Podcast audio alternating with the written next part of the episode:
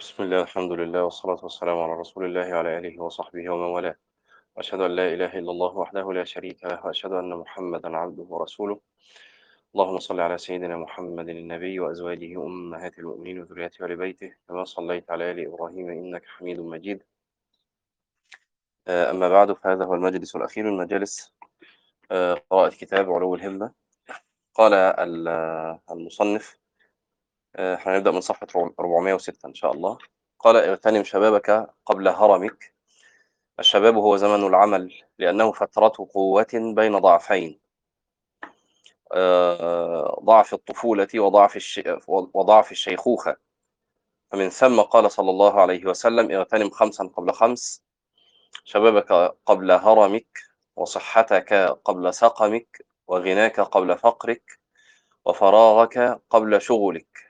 وحياتك قبل موتك. قال الإمام أحمد ما شبهت الشباب إلا بشيء كان في كمي فسقط. يعني آه، يشير إلى سرعة آه، انقضاء فترة الشباب. إن الشباب هو وقت القدرة على الطاعة وهو ضيف سريع الرحيل فإن لم يغتنمه العاقل تقطعت نفسه بعد حسرات. ما قلت للشباب في كنف الله ولا آه آه ما, ما قلت للشباب في كنف الله ولا حفظه غداة استقل آه، ضيف زارنا أقام عندنا قليلا سود الصحف بالذنوب وولى. فمن ثم يسأل الله عز وجل كل عبد من عباده على نعمة الشباب كيف صرفه وبما, وبما أبلاه. قال صلى الله عليه وسلم لا تزول آه، قدم ابن آدم يوم القيامة من عند ربه حتى من عند ربه حتى يسأل عن خمس عن عمره فيما أفناه وعن شبابه فيما أبلاه وعن ماله من أين اكتسبه وفيما أنفقه وماذا عمل فيما علم. وشوف يا جماعة يسأل المرء عن العمر كله ثم يسأل عن الشباب والشباب من العمر. ولكن يسأل عنه سؤالا خاصا لأهمية هذه الفترة. وعد صلى الله عليه وسلم في السبعة الذين يظلهم الله في ظله يوم لا ظل إلا ظله إلا ظله. شابا نشأ في عبادة الله. وعن ابن عباس رضي الله عنهما قال ما آتى الله عز وجل عبدا علما آه، إلا شابا والخير كله في الشباب. آه، ثم تلا قوله عز وجل قال سمعنا يذكرهم يقال له إبراهيم. وقوله تعالى إنه فتية آمنوا بربهم وزدناهم هدى. وقوله تعالى آتيناه الحكم صبيا. قالت حفصة بنت سيرين يا معشر الشباب اعملوا إنما العمل في الشباب. وقال أحنف بن قيس آه آه أس مثلا السؤدد مثلا آه، مع مع السواد يعني سواد الرأس. وهل كان صحابة رسول الله صلى الله عليه وسلم الذين آمنوا به وعزروه ونصروه واتبعوا النور الذي أنزل معه إلا شبابا وهذا أسامة بن زيد رضي الله عنهما أمره صلى الله عليه وسلم على الجيش وكان عمره ثمانية عشرة سنة. وهذا عتاب ابن أسيد استعمله النبي صلى الله عليه وسلم على مكة لما سار إلى حنين وعمره نيف وعشرون سنة. إلى نماذج آه، أخرى كثيرة آه، إلى نماذج أخرى كثيرة للشباب. أبلى وأحسن البلاء في حمل رسالة الإسلام ونشر نوره في العالمين. وقال يحيى بن معين لأحمد بن حنبل وقد رأى وقد رآه يمشي خلف بغلة الشافعي الإمام الشافعي. يا أبا عبد الله تركت حديث سفيان بعلوه وتمشي خلف بغلة هذا الفتى وتسمع منه. الشافعي كان شابا صغيرا يعني الفرق بين أحمد والشافعي في العمر مش كبير. هو بيقول له تركت حديث سفيان بعلوه يعني إنه يحضر إنه يحضر يحضر مجالس سفيان ليسمع الحديث بعلو يعني علو سند. آه، ليمشي خلف الشافعي يأخذ عنه العلم الفقه. آه، قال يعني كانه يتعجب وطبعا كان زمان أحمد زمان الحديث يعني كان هو زمان المحدثين أصلا. فيقول له أحمد لو عرفت لكنت تمشي من الجانب الآخر. إن علم سفيان إن فاتني بعلو أدرك أدركته بنزول. يعني لو فاتني حديث سفيان بعلو إن أنا أخذه من سفيان مباشرة هلحقه. إن ناخده عن واحد عن سفيان. يعني ما هو في الآخر إيه حديث؟ هتاخده عن سفيان خدته بعلو يعني بينك وبين النبي صلى الله عليه وسلم مثلا اثنين ولا ثلاثة آه لو فاتك أخذته عمن أخذه عن سفيان من اللي كانوا حاضرين المجلس. فأخذته آه وبينك وبين النبي أربعة بدل ما يبقى بينك وبينه ثلاثة بقى بينك وبينه أربعة لكن في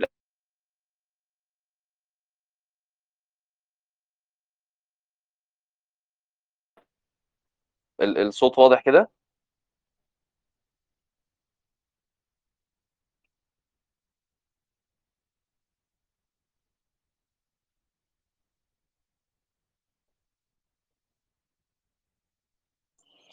طيب.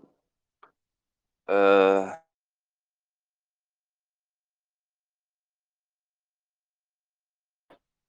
طيب تمام. إحنا كنا ب... كنا بنقول هذه الأعمار أنا ما أعرفش بقى إحنا كنا يعني وقفنا فين مع الناس. هذه الأعمار اللي هي 20 سنة و18 وحاجة و20 اللي عاملين نقرأ عنها دي. آه هذه الأعمار الشاب الآن في, في هذا السن آه آه شافعي وأحمد لا إحنا كده يعني عدينا بقى. يعني يعني مش مهم لكن على كل حال يعني كل الكلام بيصب في نفس المعنى. يعني كانت أعمارهم صغيرة جدا وبلغوا المنازل العالية اللي منهم بقى قاضي واللي منهم بقى عالم فقيه واللي منهم مجاهد واللي منهم بيقود جيش. هذه الأعمار الآن ال 20 سنة والحاجة 20 سنة الشاب بيوصل للعمر ده ولا هو عارف حاجة في دينه ولا في دنياه حتى. يعني ما تلاقيش يعني إيه نادرا ما تلاقي حد بقى بقى مميز في شيء في دين أو في دنيا هو فاكر نفسه لسه صغير. 18 سنة ده ولا 20 سنة. آه. وقال أبو اليقظان إحنا في آخر سطر في صفحة 408 دلوقتي. قال أبو اليقظان ولا الحجاج محمد بن القاسم آآ آآ ابن محمد ابن الحكم الثقفي آآ ولي أو ولي أو ولي أو يعني قتال الأكراد بفارس فأباد منهم ثم ولاه السند. فافتتح السند والهند وقاد الجيوش وهو ابن سبع عشرة سنة فقال له الشاعر إن السماحة والمروءة والندى لمحمد بن قاسم بن محمد لمحمد بن قاسم ابن محمد قاد الجيوش لسبع عشرة حجة, حجة يقرب ذلك سددا من مولدي ويروى يقرب ذلك سورة من مولدي والسورة المنزلة الرفيعة. ولما جاء بحطيت الزياد أو حطيت مش عارف ضبطها يعني إلى الحجاج قال له الحجاج أنت حطيت؟ قال نعم. سلم بدلك فإني عاهدت الله عند المقام على ثلاث خصال. إن سئلت لأصدقن وإن ابتليت لأصبرن وإن عفيت لأشكرن. فقال الحجاج فما تقول في؟ قال حطيت. أقول إنك من أعداء الله في الأرض. تنتهك المحارم وتقتل بالظنة. قال الحجاج فما تقول في أمير المؤمنين عبد الله بن في أمير المؤمنين عبد الله بن مروان؟ قال أقول إنه أعظم جرما منك وإنما أنت خطيئة من خطاياه. فأمر الحجاج بتعذيبه حتى انتهى به العذاب إلى أن يشقق له القصب ثم جعلوه على لحمه وشدوه بالحبال. يعني يقطعوا كده الايه القصب اللي هو زي الأعواد دي.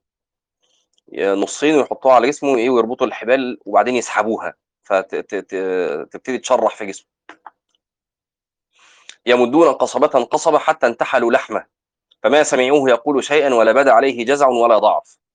فأخبر الحجاج بأمره وأنه في الرمق الأخير بيموت فقال أخرجوه فارموا به في السوق. ووقف عليه رجل وهو بين الحياة والموت يسأله ألك حاجة؟ فما كان من حطيت إلا قال له ما لي من حاجة في دنياكم إلا شربة ماء.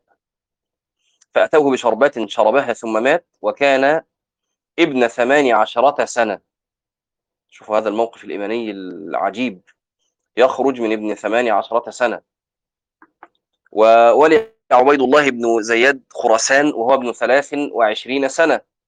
وليها لمعاوية رضي الله عنه وولي معاذ اليمن وهو ابن أقل من ثلاثين سنة. وحمل أبو مسلم أمر الدولة والدعوة وهو ابن وهو ابن 21 سنة. وحمل الناس على إبراهيم النخعي وهو ابن 18 سنة. ومات سيبويه إمام النحو وحجة العرب وله من العمر 32 سنة. قال البحتري البحتري لا تنظرن إلى العباس من صغر في السن وانظر إلى المجد الذي شاد. إن النجوم نجوم الأفق أصغرها في العين أذهبها في الجو إصعادا. كل ما النجم كان أصغر تعرف إن هو أعلى في السماء. مش كده وهو إنما يظهر لأنه بعيد إن شبابهم الشريحة الفعالة في الأمة وهم عمودها الفقري وجهازها العضلي وروحها الحية وطليعتها الوثابة ولا يتصور نجاح نجاح دعوة أو حركة لا تقوم على حماس الشباب وقوته. الفصل الخامس أثر علو الهمة في إصلاح الفرد والأمة. قد لاح فيما مضى كيف أن الهمة العالية هي سلم الرقي إلى الكمال الممكن في كل أبواب البر، لا سيما العلم والجهاد اللذان هما سبب ارتفاع الدرجات فمن تحلى بها بعلو الهمة لأن له كل صعب واستطاع أن يعيد هذه الأمة إلى الحياة مهما ضمرت فيها معاني الإيمان. إذ إن همم الرجال تزيل الجبال. همم الأحرار تحيي الرمم. نفخة الأبرار تحيي الأمم. إن أصحاب الهمة العالية فحسب هم الذين يقو يقوون على البذل في سبيل المقصد الأعلى وهم الذين يبدلون أفكار العالم ويغيرون مجرى الحياة بجهادهم وتضحياتهم.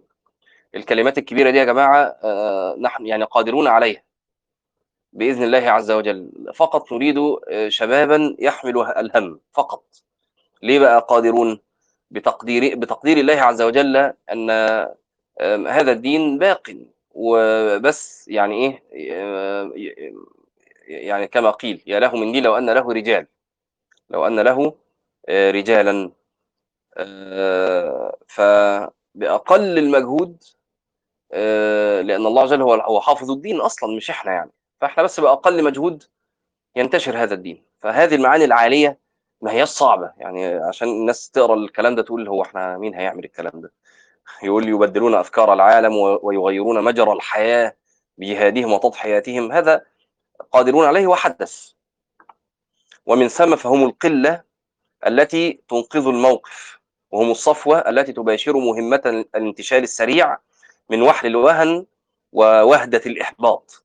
قال شيخ محمد الخضر حسين رحمه الله تعالى مبينا أثر علو الهمة يسمو هذا الخلق بصاحبه فيتوجه به إلى النهايات من معالي الأمور فهو الذي ينهض بالضعيف بالضعيف يضطهد أو يزدر فإذا هو عزيز كريم وهو الذي يرفع القوم من سقوط ويبدلهم بالخمول نباهة وبالاضطهاد حرية وبالطاعات العمياء شجاعة أدبية. هذا الخلق هو الذي يحمي الجماعة من أن تتملق خصمها. أما صغير الهمة وأديكوا شفتوا حطيت أو حطيت يعني مش مش فاكر ضبطه. إزاي وقف في وش الحجاج هو عارف إن نهايته هتبقى عاملة إزاي الحجاج كان معروف بظلمه وغشمه أما صغير الهمة فإنه يبصر بخصومه في قوة في يبصر بخصومه في قوة وسطوة فيذوب أمامهم رهبة ويطرق إليهم رأسه حطة. ثم لا يلبث أن يسير في ريحهم ويسابق إلى حيث تنحط, تنحط أهواؤهم. وفي جنح هذا الظلام الحالك والليل الأليل تكاد تفتقد أمتنا البدر المنير وتترقب مجيء رجل الساعة والمصلح المنتظر. ويحدوها الأمل في طلوع فجر قريب يؤذن ببعث المجدد المرتقب الذي بشر به الصادق المصدوق في قوله صلى الله عليه وسلم إن الله تعالى يبعث لهذه الأمة على رأس كل مئة سنة من يجدد لها دينها. وخلوا ولاة السوء منكم وغيهم فأحر بهم أن يغرقوا حيث لججوا. أه نظار لكم أن يرجع الحق راجع إلى أهله يوما فتسجوا كما شجوا. على حين لا عذر لمع... عذر لمعتذريكم ولا لكم من حجة الله مخرج لعل لهم في منطوى الغيب ثائرا سيسمو لكم والصبح في الليل مولج بجيش تضيق الأرض عن زفراته له زجل ينغي الوحوش وهزمج فيدرك ثأر الله أنصار دينه ولله أوس آخرون وخزرج ويقضي إمام الحق فيكم قضاءه تماما وما كل الحوامل تخدج وإني على الإسلام منكم لخائف آه، بوائق آه، بوائق شتى بابها الآن مرتج لعل قلوبا قد أطل قد آه، أطل أطل أطلتم مثلا لعل قلوبا قد أطلتم غليلها ستظفر منكم بالشفاء فتثلجوا فيا شباب الإسلام قد فتح باب الترشيح فهيا تسابقوا إلى العلا وتنافسوا في جنة عرضها السماوات والأرض آه، واختطوا لأنفسكم آه، واختطوا لأنفسكم طريق المجد فتالله ما ارتفع صوت الحادي يوما لرفقة آه، أولي صمم ولا ارتفع الفلك الأعلى لغير أهل الشموخ والشمم. ستعلم أمتنا أننا ركبنا الخطوب هياما بها فإن نحن فزنا فيا طالما تذل الصعاب لطلابها وإن نلقى حتفا فقد قدمت كؤوس المنايا لشرابها فمن منكم ينتدب نفسه لهذه المهمة الجسيمة التي قال فيها المجدد العلم والجبل الأشم أمير المؤمنين عمر بن عبد العزيز رحمه الله إني أعالج أمرا لا يعين عليه إلا الله قد فني عليه الكبير وكبر عليه الصغير وفصح عليه الأعجمي وهاجر عليه الأعربي حتى حسبوه دينا ولا يرون الحق غيره. يعني كأنه بيقول أنا جيت لقيت حاجات ثابتة كده عند الناس شايفينها هي الدين. أنا المفروض أغير ده بقى. قال فمن منكم ممن يعرف قدر نفسه بلا وكس ولا شطط يراها أهلا لهذه الوظيفة المقدسة. يعني ان يغير آه، ما اعتاده الناس آه، وحسبوه دينا وهو خلاف الدين. من منكم يوسف هذه الأحلام؟ الذي يضرب صدره في ثقة وشموخ قائلة أنا لها أنا لها. فإن كنت عن جدارة واستحقاق حزت مسوغات هذا الترشيح فامضي على بصيرة ولا تلتفت إلى الوراء حتى يفتح الله عليك. وحذاري أن تغفل ولو لحظة. لحظة يا صاحبي إن تغفل الفميل زاد بعد المنزل. رام نقش الشوك حنينا رجل فاختفى عن ناظريه المحمل آه، يعني بيقول لحظة واحدة تغفل عن الطريق تبعد ألف ميل عن الناس اللي كانوا ماشيين معاك. آه، قال وزاحم بكتفيك وساعديك قوافل العظماء المجددين من السلف والخلف ولا تؤجل. فليس من تأجيل آه، فإن مرور الزمن ليس من صالحك. وإن الطغيان كلما طال أمده كلما تأصلت في نفوس المتميعين معاني الاستخذاء ولا بد من مبادرة تنتشل. ما دام في الذين جرفهم التيار بقية آه، عرق ينبض وبذرة فطرة كامنة. قد هيئوك لأمر لو فطنت له فاربأ بنفسك أن ترعى مع الهمل ولا يظنن ظان. أن حديثنا عن علو همة أسلافنا العظام يعني الانطواء في الماضي وقطع الصلة بالحاضر والمستقبل. وإلا صرنا كالترجمان الذي يتوقف أمام الآثار ويشيد بالماضي فحسب دون أن يقدم شيئا للحاضر بل المستقبل ولا يظنن ظان أننا بهذا الحديث عن علو همة السلف الصالح نرجع إلى الوراء في زمن تتسابق فيه الأمم نحو المستقبل. فإن فإن اقتداءنا بخير أمة أخرجت للناس هو ترق وصعود وارتفاع إلى مستوى ذلك الجيل الفريد الذي لم تعرف البشرية له نظيرا. وإن إبراز هذه النماذج النماذج الحية أقرب آه، طريق إلى إيقاظ الهمم نحو إصلاح هذه الأمة التي لا يصلح آخرها إلا بما صلح به أولها. لقد أنزلنا إليكم كتابا فيه ذكركم فيه شرفكم. أفلا تعقلون؟ يعني كلما تمسكنا بالكتاب آه، زاد الشرف. وباب المجد والمكرمات لم يزل مفتوحا يرحب بكل راغب. إذا أعجبتك خصال امرئ فكنه يكن منه ما يعجب ما يعجبك. فليس لدى المجد والمكرمات إذا جئتها حاجب يحجبك. فيا من يروم ولوج هذا الباب واجه الحقائق. وتبصر موقع قدمك ولا تفزع إلى انتظار خراب العالم على أمل أن ينهض المسلمون عن أنقاضه على أنقاضه. ولا تهرب إلى آه، افتراض حصول خوارق للسنن إلى افتراض حصول خوارق للسنن التي لا تحابي من لا يحترمها قال تعالى إن الله لا يغير ما بقوم حتى يغيروا ما بأنفسهم. يعني ما تستناش آه، حاجة تيجي كده من من السماء تغير.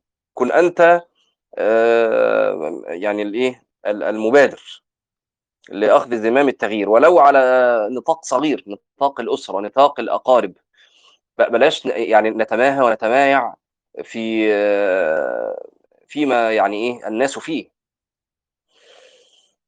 قال وتذكر يوم بدر حين خرج الثلاثة من كفار قريش يطلبون المبارزة فأخرج لهم النبي صلى الله عليه وسلم ثلاثة من الأنصار. فقال والله لا نطعن في أحسابهم ولا أنسابهم ولكن أخرج لنا أكفاءنا من قريش. فأخرج لهم عليا وحمزة وأبا سفيان ابن الحارث فقتلوهم.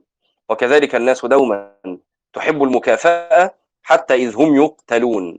والقرشية اليوم تتمثل في الصروح العلمية والمجامع الأدبية والمؤسسات الصحفية والمعاهد السياسية والدور الوثائقية والشركات الصناعية والقاعات المصرفية وعلى دعاة الإسلام اليوم أن ينطلقوا منها للمبارزة.